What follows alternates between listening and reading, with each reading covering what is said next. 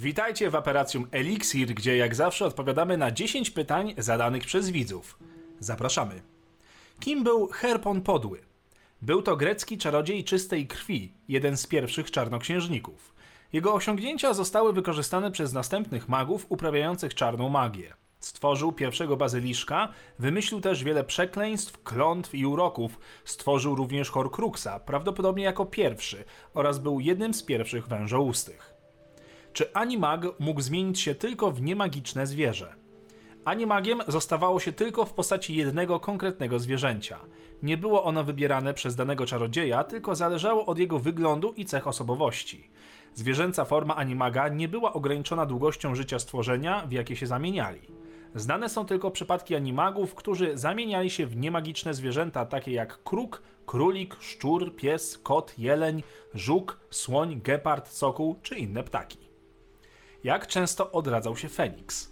Feniksy według mitologii mogły żyć od 500 do nawet 1000 lat.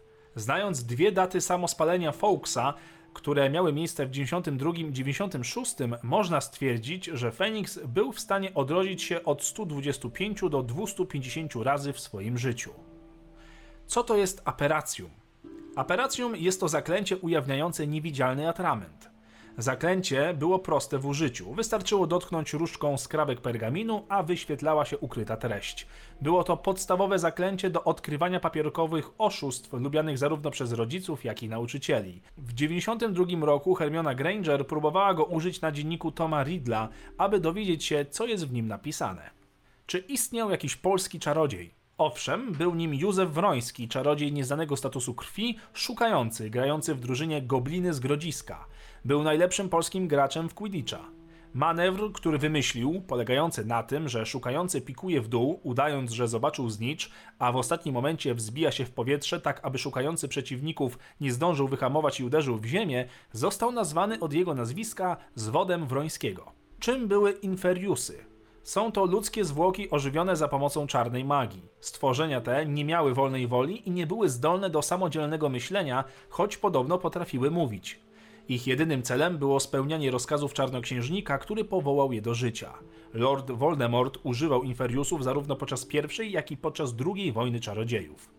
Ile magicznych szkół istniało? Istniało 8 magicznych szkół w Afryce w Ugandzie, Ameryce Południowej w Brazylii, Ameryce Północnej na Mount Greylock w Massachusetts, w Azji w Japonii, w Europie we Francji, Szkocji oraz na północy kontynentu, prawdopodobnie w Norwegii lub Szwecji i w Rosji. Jak długo jechało się ekspresem do Hogwartu? Hogwart Express startował ze stacji w Londynie, a Hogwart mieścił się w Highlands w Szkocji, miejscu oddalonym o około 900 km od Londynu. Pociąg więc mógł jechać około 9 godzin do miejsca docelowego. Gdzie został pochowany Albus Dumbledore?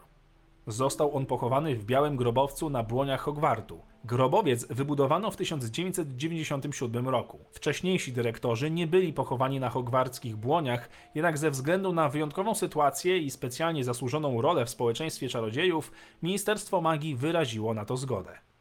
Czym są gargulki? Jest to gra czarodziejów przypominająca mugolskie kulki. Jedyną różnicą jest to, że w czarodziejskiej wersji kamyki opluwają gracza śmierdzącym płynem za każdym razem, gdy ten straci punkt. Gracze mają po 15 kulek, wygrywa zaś ten, który zbije wszystkie kulki przeciwnika. I to wszystko na dzisiaj. Zadawajcie kolejne pytania w komentarzach pod tym i innymi odcinkami. Dziękujemy za oglądanie i na brodę Merlina dajcie łapkę w górę.